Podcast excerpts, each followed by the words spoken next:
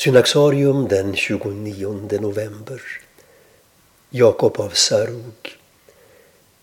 Idag firar den syriska kyrkan en av sina främsta andliga lärare och poeter.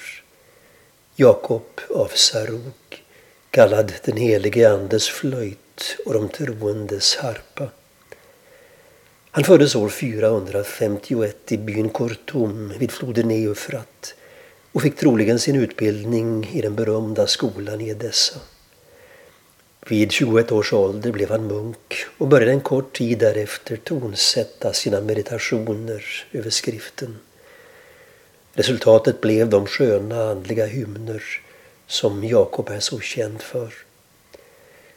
Efter sin ordination till präst fick han tillsyn över den lokala kyrkan i Havra ett uppdrag som gjorde att han lärde känna stora delar av Syrien.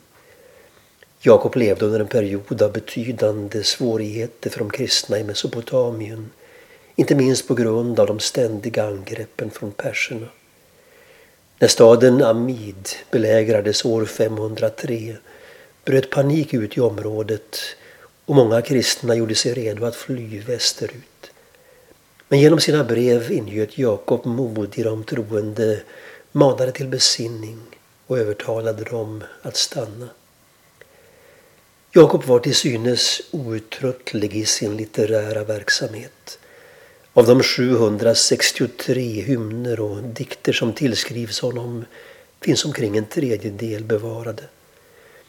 Inspirerade av både judars och kristnas heliga skrifter är de fyllda av Jakobs lovsånger till skönheten i Guds frälsningsverk genom historien så som den främst återspeglas i Kristi barmhärtiga blick.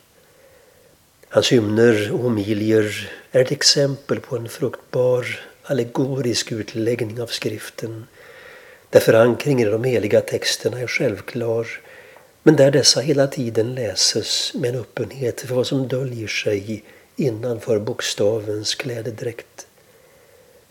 För Jakob av Sarug säger orden i Bibeln mer än vad de först tycks säga.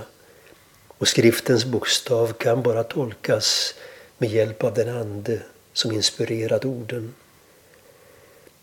Vid 68 års ålder utnämndes Jakob till biskop i Batnam, en stad i Sarog-distriktet, där han dog år 521.